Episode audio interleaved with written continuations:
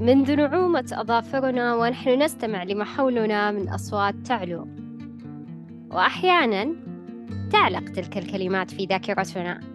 لذلك أتمنى أن تعلق في ذاكرتك كل ما ينفعك وكن معنا مستمع مستمتع.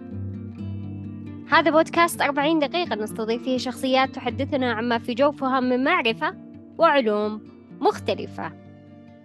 واليوم نستضيف شخصية تصنف كأخصائية اجتماعية لذلك دعونا نتعرف معها عن الحب والاستغلال. أهلا أهلا أستاذة إيمان. أهلا وسهلا بأستاذة إيمان وكذلك بالمستمعين. حياكم الله جميعا. وشكرا لك يا أستاذة إيمان على الدعوة والاستضافة. وإن شاء الله اليوم نقدم شيء مفيد للمستمعين ونكون ضيوف خفيفين عليهم.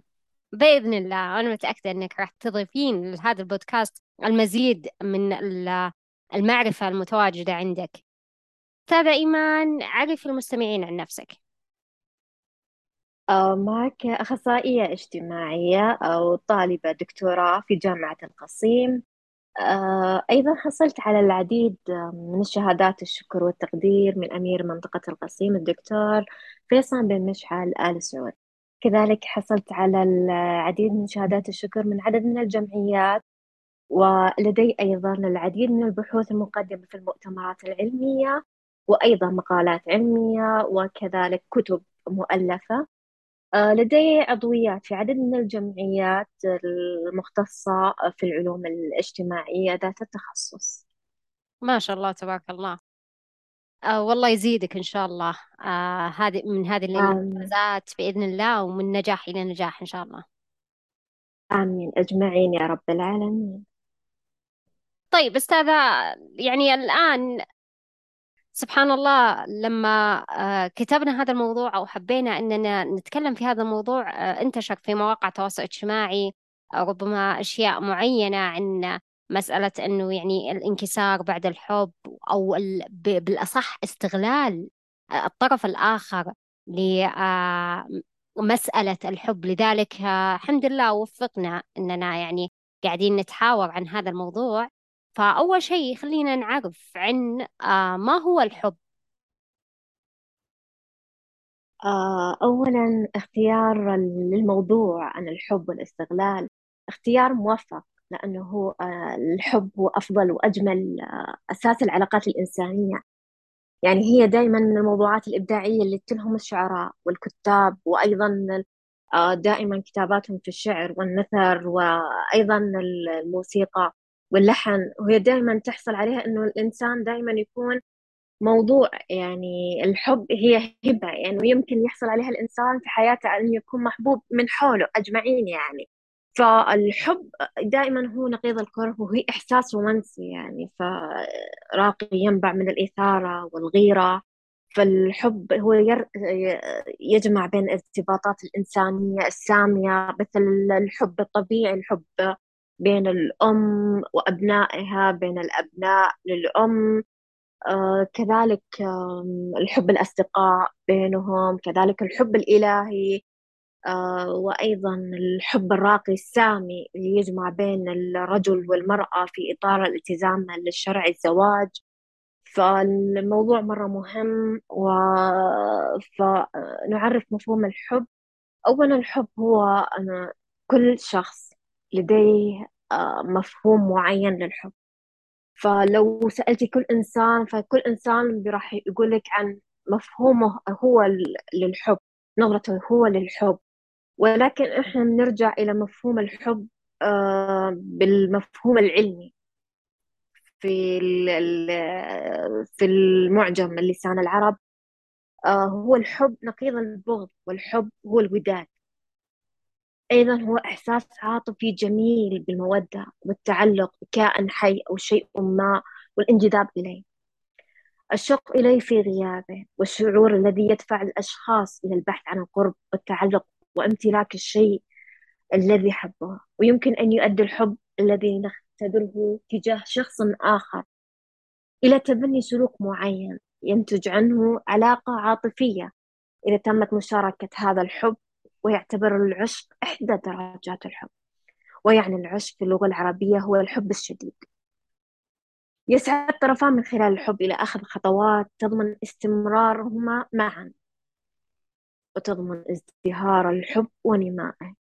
ولا قيمة لحياة الإنسان بدون حب فالحب هي مجموعة من المشاعر المعقدة التي تنتج عنها العديد من التصرفات والأفكار المنسوجة بعواطف قوية. تحكم المرء وتسيطر على كيانه وإحساسه. فهذا مفهوم الحب مفهوم معقد شوي ولكنه آه، مفهوم آه، جميل آه، ومفهوم مزدهر. صحيح. فعلا الحب مفهوم معقد مثل ما قلتي. يعني أحيانا ما نفهم بعض الأشياء اللي نحبها. يعني مثلا أنا بقول يعني مو على صعيد العلاقات على صعيد مثلا الأشياء البسيطة يعني مثلا ميدالي شكل ميدالية معينة يعني إيه. أو حبك لعملك أيضا يعني صحيح. مو لازم شيء فعلا. صحيح. زي ما قلتي يعني عملية معقدة فعلا. أنا أتفق معك بهذا الشيء لأنه أحيانا نحب أشياء يعني لما نرجع بعدين أو أو نحطها في إطار يعني مثلا الحكم بأنه هذا الشيء اللي حبيناه صحيح أو خاطئ. آه بالغالب يطلع يعني خاطئ لكن بذيك الفترة ما كنا يعني إحنا نشعر بشعور أننا يعني تحت مشاعر الحب وتحت انجرافات الحب. لأي شيء لأي شيء يعني. أنا ما راح أتطرق لمفهوم العلاقات إلا يعني بعد الأسئلة لكن الكلام اللي أنا أقصده هو إنه يعني يعني مثلا تيشيرت مثلا ميدالية مثلا أشياء يعني نتعلق فيها خلاص إنه يعني نبي هذا الشيء خلاص حنا انجذبنا لهذا الشيء حبيناه. فهذه يعني تعتبر مفهوم معقد مثل ما قلتي طيب آه إيه آه قلتي إن الحب يجمع بين ارتباطات سامية. آه لكن حنا نبي نتعرف ما هي أشكال الحب؟ آه، أشكال الحب. هناك عدة أشكال للحب. يعني نظرتنا إحنا للحب هناك في حب مثلا صامت يكون بين شخصين مثلا إنه يكون هذا الطرف الأول يشعر بحب للطرف الثاني بس بدون أنه ما يكون يبلغ الشخص هذا ويكون بريء يعني. آه هذا دائما يكون آه فترات يعني تكون من جهة واحدة إنه تكون للحب هذا. أيضا في حب الأفلاطوني إنه يكون هذا الحب إنه يكون يعني يكون يعني ما يحمل في قلبه أي نوايا أو أهداف مادية أو خبيثة. يعني هذا الحب مثلا يرتبط بين الشخص مثلا وأصدقاء بين أمه وأبي بين أخواته بين عائلته. يكون الحب هذا يكون نظيف يعني. يعني يكون منتزع يكون منتزع من الأدوات الاستفادة والأنانية صحيح. صح والاستغلال. الاستغلال صح أه، تفضلي. آه حيب حتى أيضا في حب بلا مقابل إنه يكون آه، حب إنه مثلا من أصعب أنواع الحب إنه يكون المحب مثلا آه، يستنشق بسعادة ونشوة الحب ولم يكن أن يحققها ما يعني. في حب يكون في الله وهذا أرقى وأنقى أشكال الحب. آه، تكون نوايا حسنة مثلا تقدم الخير للآخرين آه، تكون بعيدة عن أشكال المصالح اللي آه، تكون إنه مثلا يقدم عشان بسبب مصلحة. في حب اللي هو الأناني إنه الحب هذا ما يهتم للطرف الآخر ولا حتى إنه يفرحه ولا إنه قائم على المصلحة الشخصية. آه، أيضا في حب الرومانسي هذا اللي يعتمد على الأحاسيس والمشاعر المرهفة على العاطفة. تكون بين آه، أشخاص تكون سعادته وابتسامته إنه مثلا آه، يفرح لفرح الآخر ويسعد على طموحه ويكون مهتم في فيها من الأحاسيس والمشاعر إنه للطرف الآخر. ها حلو. أعتقد أنه حب أفلاطون هو اللي يكون بين الأصدقاء والعائلة. هذا اللي ما يعتمد على المصالح مثل ما قلتي. وكذلك إيه الحب الأناني أعتقد أنه يعني في بعض أنواع الشخصيات اللي من قراءتي يعني اللي آه، كل ما يتعلق في الشخصيات واطلاعي ال- الحب الأناني ربما يكون الشخصيات النرجسية. هي اللي فعلا يعني صحيح. إيه. تقدم مصلحتها على كل شيء آخر بحيث إن أنها تستفيد بينما الطرف الآخر يعني يكون خسران حتى وهو يطلع من هذه علاقة الحب خسران خسران أشياء كثيرة أعتقد إنه يعني الشخصية النرجسية هذا اللي طرأ على بالي أما أنواع ال- الحب الأخرى أعتقد إنها يعني تكون ربما مرينا فيها الحب في الله. إيه صح قدم هذا. صحيح هذا أفضل نوع هذا أفضل نوع طيب بما أنه ذكرتي أنت آه، أشكال الحب آه، بشكل عام آه، كيف ممكن نجلب الحب الصحيح إلى حياتنا؟ يكون عن طريق يعني تكون حلا يعني حياتنا دائما تكون مليئة بالحب عن طريق إنه نكون إحنا متفتحين اجتماعيا على الجميع إنه إحنا لازم نظهر المحبة يعني تكون في العلاقات والود للآخرين الاهتمام بهم. آه، دائما آه، إيجاد الروابط والاهتمامات المشتركة بين الناس. آه، لابد إنه نكون إحنا نبتعد عن الكراهية نبت- ونكون دائما نلجأ إلى التسامح. فتكون كل ما كانت دائرتنا وعلاقاتنا اجتماعية كبيرة كل ما كان هناك ود وحب مع الآخرين. يعني يعني ننتقل علاقات اللي تجلب لنا مثلا ال- الحب الصحيح بحيث أنه يعني آه، يكون تعاونات مثلا إذا كان من ناحية أنه يعني ليس مثلا الحب ال- الذي نريد فيه مثلا مسألة الزواج وإنما حب العلاقات يعني مثلا حب الزملاء آه، أقصد يعني بالنسبة للنساء يعني بين بعض. بحيث أنه يعني يكون يجلب لنا ال- المزيد من ال- المنفعة المتبادلة والحب الصحيح ال- مثل ما يقولون المتعافي ال- اللي يجعلك يعني في level أعلى وأفضل من ال- ال level المتواجدة فيه الآن. صح. مهم. طيب. صحيح لما يكون هناك زميلة لك اهتماماتها مشتركة بينك وبينها فتكون حبك لها والود فيها فيكون آه، لمت عالي يعني. صحيح صح. حتى تكون منزلتها مختلفة عن الباقيين لأنه آه، هناك تكون عوامل مشتركة بينكم. آه، فحلو يعني. آه، بما أننا حنا نتكلم عن الحب والاستغلال لذلك دعينا آه، ننتقل للجزء الثاني من موضوعنا آه، ونتعرف على ما هو الاستغلال. راح نبدأ الحين بالنقيض الحب اللي هو الاستغلال. راح نعرف أول شيء الاستغلال آه، هو إيهام بالتودد شخص آخر آه، بقصد الحصول على المنفعة الشخصية مستفيدة من صفاء قلب هذا الشخص أو الشخص الذي يحقق الفائدة من الآخرين بشكل غير عادل والذي يقوم آه، باستخدام نقاط ضعف الشخص الآخرين لمصلحته الخاصة. يعني يمكن آه، هذا هذا تعريف مختصر عنه إيه عن الاستغلال إنه. يكون مثلا الحب عشان من منفعة إنه ي- يحصل عليها منفعة. يعني نقدر نقول بأنه مثلا من من أشكال الحب أنت ذكرتي آه، حب بدون مقابل إذا الاستغلال يعتبر حب بدون مقابل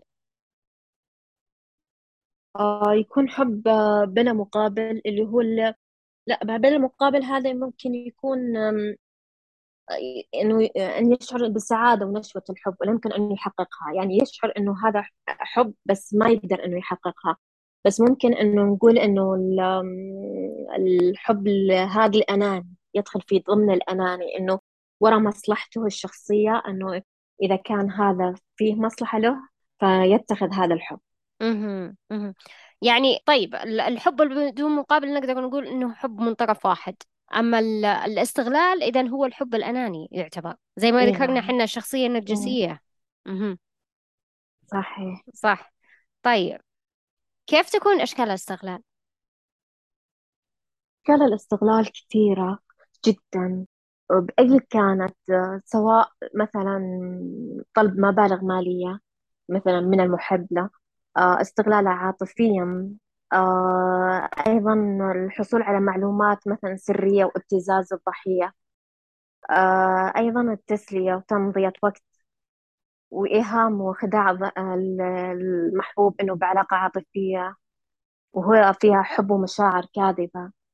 أيضا آه، الحصول أيضا طلب تسهيل معاملات وإجراءات من قبل الشخص الذي يوهم الضحية بالحب ومشاعر العاطفة. فأيا كانت ال- أشكال الاستغلال سواء إذا كانت غير ما ما- غير أنها تكون منفعة للاثنين الطرفين فهذه تكون من أشكال الاستغلال مهم. آه زي ما قلتي إنه يعني أحيانا ابتزاز أحيانا يكون يعني معرفة آه أشياء آه خاصة عن الطرف الآخر وثم يبتزها لكن الحمد لله يعني إحنا في دولة مثل المملكة العربية السعودية أنهت مثل هذه الأمور والطرف ال- اللي يسمى ضحية في هذا ال- الاستغلال يلجأ قضائيا في قوانين جدا واضحة. ذاك الحمد لله يعني. الحين آه، خلينا نرجع لموضوعنا. إيه خلينا نرجع لموضوعنا. آه، كيف ممكن نعرف بأن الشخص يستغلنا وليس يحبنا؟ آه عن طريق المواقف تبان ال- الشخص اللي يستغل إنه هذا الشخص فعلا يستغل أو يحبنا. يعني مثلا مثلا التواصل يكون عند الحاجة فقط. يعني ما يتصل عشان يطم- يطمن عن حاله عن صحته أو وضع وضعك في الحال في الحياة. آه أيضا يقوم بإفشاء الأسرار للناس. آه أيضا يقوم مثلا استبعاد آه عن المناسبات الاجتماعية. الشخص اللي فعلا يحب يكون آه يشارك في الأفراح في الأحزان آه، ولكن آه، يعني هذه الصور اللي إحنا قلناها الآن هذه تدل إنه الشخص هذه ضحية الاستغلال. آه، فمواقفنا تدل إنه هذا الشيء يعني الشخص إنه فعلا آه، يستغلنا يعني إنه هذا ليس انه يحبنا يعني ف الحين إذا دخلنا في الحب لكن عرفنا بأن الشخص يستغلنا آه، ما هي التصرفات التي نتصرفها حتى نبتعد عن هذا الشخص إذا دخلنا مثلا في حب. وبعدين عرفنا أن هذا الشخص يستغلنا. ما في إلا أنه إنه إحنا نبتعد عنه ونقطع العلاقة فيه آه، مثلا إنه آه، لابد إنه نقطع هذه العلاقة وما نستمر لأنها علاقة تجلب ال- الحزن والأسى. وإن استمرت إنه ممكن تجيب أمراض نفسية. فيكون إحنا تحت استبعاد هذا الاستغلال وراح يستمر معنا هذا الاستغلال. فلا بد إنه أول مجرد موقف بان إنه هذا الشخص يستغل لابد إنه نقطع هذه العلاقة. يعني الواحد لازم يعرف آه، ما هي أشكال الاستغلال قبل أنه يعني يدخل في مفهوم العلاقات بحيث أنه يكون يعني عنده خلفية يميز بين هذه الشخصية آه، تتناسب معه أو هذه الشخصية تستغله صحيح؟ فعلا فعلا لابد إنه يكون هناك وعي في الشخص آه، عش عشان ما يكون تحت آه، استغلال لأنه راح يكون هناك في اكتئاب وراح يكون أمراض نفسية وراح يكون حزن لأنه دخل في علاقة و- ودمرت نفسيته في هذا فلا بد أنه يكون يعرف ويفرق بين الحب والاستغلال مهم. صح ما هي الصعوبات التي تواجه الشخص حينما يعرف بأنه تم استغلاله؟ بعد أن وضعنا ثقتنا بالشخص هذا مثلا نحبه بعد أن نعلم باستغلاله أنه أكيد أنه راح نمر بمرحلة صعبة نسبيا يعني حتى أنه يتركنا نشعر بالصدمة والارتباك وعدم الأمان. وحتى أنه نفقد ثقتنا بأنفسنا وبالآخرين مرتبا فيها آثار نفسية آه، جراء هذه العلاقة. حتى أنه لابد أنه نبدأ في العيش في خوف دائم من الاستغلال.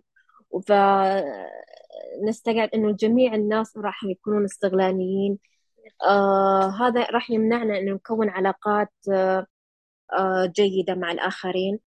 فبسبب نظرتنا للاستغلال فبسبب هذه العلاقة يعني تكون فقدت ثقتنا بأنفسنا وبالآخرين. أيوة بحيث تكون هذه العلاقة ليست صحية و آه، يعني تخلي جرح في آه، الشخص بشكل آه، مو طبيعي وأنه يفقد ثقته بالناس وكذلك بنفسه. فعلا هذه من الصعوبات اللي تحتاج لها علاج. آه لكن كيف ممكن يعالج نفسه بعد فترة الاستغلال التي مرت عليه؟ عدة طرق. أول شيء لابد إنه إعادة تقييم مشاعر الحب بعد الانفصال آه، لابد إنه إحنا ندرب آه، إنه يدرب الشخص على تقبل العواطف اللي يثيرها الاستغلال حيث إنه يبدأ أول شيء بالاعتراف بأن ال- الكآبة اللي أصابته في مرحلة ما بعد الانفصال هي جزء لا مفر منه من التجربة. فلا بد إنه آه، عشان يستقبل هذه المشاعر اللي أصابته بعد الانفصال لابد إنه يعترف بهذه ما بعد الانفصال. بعد أيضا إنه آه، حتى إنه مثلا أصبح شخص لا يستطيع الوثوق بأي شخص على الإطلاق لابد أنه يكون السعي الحصول على الدعم العاطفي من أقربائه من أصدقائه آه، حتى يتعافى. ويركز على الحاضر. أيضا يذكر نفسه بما هو مهم في حياته الآن من أهداف ويحقق من أهداف وأشياء في المستقبل إنه هو راح ينجزها. آه، آه، حتى أيضا بعد يركز على أشياء إنه كدوار الأصدقاء الوظيفة الاهتمامات الشغف. حتى إنه لا تتمتع بعلاقة عاطفية الآن. يعني إنه لابد إنه يركز على الحاضر خلال اكتشاف هواية جديدة أو قراءة. حتى أنه يستطيع أنه يتعالج من هذا الاستغلال ويطلع من هذه المرحلة. ف... فلا بد أنه يمشي على عدة مراحل للعلاج. كما ذكرت سابقا. حلو. يعني من ضمن آه مراحل العلاج اللي انت ذكرتيها إنه يشغل نفسه ويطور نفسه بحيث إنه يكتشف صح. آه موهبة عنده وينشغل فيها حتى يعني ما آه يتذكر فترة الاستغلال وكذلك يعترف يعترف إن تم استغلاله يعترف بالمشكلة. الاعتراف بالمشكلة هي أول حل ويتقبل وثم يعالج. فهذه صح. تعتبر تعتبر من الخطوات الذكية صراحة. آه كيف إنه يعالج نفسه. آه لما تتفاقم حالته هل يلجأ مثلا لأخصائي نفسي؟ يعني مثلا يكون عنده نوع من الاكتئاب بسبب الشيء اللي صار له؟ أكيد لا بد أن يكون هناك آه، آه، أخصائي نفسي يفضل وعلاج سلوكي إنه عشان يطلع من الحالة ويشوف مثلا الحاضر أهدافه عشان لما يدخل في حالة ثانية ما يكون فيه عنده خوف وعنده عدم الثقة في نفسه وعدم الثقة في الآخرين و لأنه راح يكون نظرته لل... للآخرين إنه نظرة إنه كل الآخرين إنهم مستغلين نفس هذا الشخص مهم. بحيث يكون يعني زي عنده زي التفكير السلبي خلاص إنه يعني أحيانا التفكير السلبي آه، يعميك عن ال- العيش في الحاضر لذلك يعني من الأشياء يعني اللي ذكرتيها زي الخطوات لكنها خطوات زي ما قلت سابقا بأنها ذكية. وآخر آخر شيء أنه يتجه يعني للأخصائي النفسي. هذا شيء آه، حلو. واحتاج شيء أيضا دعم. عاطفي من أقرباء من أصدقائه يكونون حوالينا علشان يطلعونا من الحالة اللي هو فيها دخل آه، في الاستغلال. طيب آه هالحين آه ما هي رسالة اليوم منك إلى المستمعين أستاذة إيمان؟ أحب أقول لهم الحب الحقيقي لا يمكن أن يتأثر بأي شيء مهما مر الزمن. فلا بد أن نكون واعيين في الحب. من أجل أن لا يستغلنا أحد ونشعر بالأسى والحزن. حلوة آه رسالة آه عميقة في كلماتها برغم إنها يعني آه، قصيرة نسبيا إلا أنها من أجمل الرسائل. فعلا الواحد لازم يكون عنده يعني نوع من المعرفة قبل أن يدخل آه، فيها بمثل هذا المفهوم. إيش الكلمة اللي قلتيها عن الحب؟ هي العميق ولا صح. معقد. انه قبل يعني لازم الواحد يعرف آه، مراحل الاستغلال آه، حتى ما يكون يعني ضحية بعدين في مسألة الحب. آه، صراحة استمتعت في الاستماع لك استمتعت في المعلومات اللي أعطيتينا إياها. ومتأكدة بأن المستمعين راح يستمتعون بالأشياء اللي أنت أضفتيها. وكذلك إضافة موفقة بالنسبة لي آه، تواجدك أستاذة إيمان. آه، كلمة أخيرة حابة تقولينها قبل آه، أختم؟ شكرا ويعطيك العافية وشكرا على الاختيار الموفق للموضوع. كان مرة جيد عن الحب ويعطيكم العافية. الله يعافيك حياك الله. بيننا. وعلى هذا سيداتي وسادتي دمتم بخير وشاركوني تعليقاتكم على هذه الحلقة في أحد مواقع التواصل.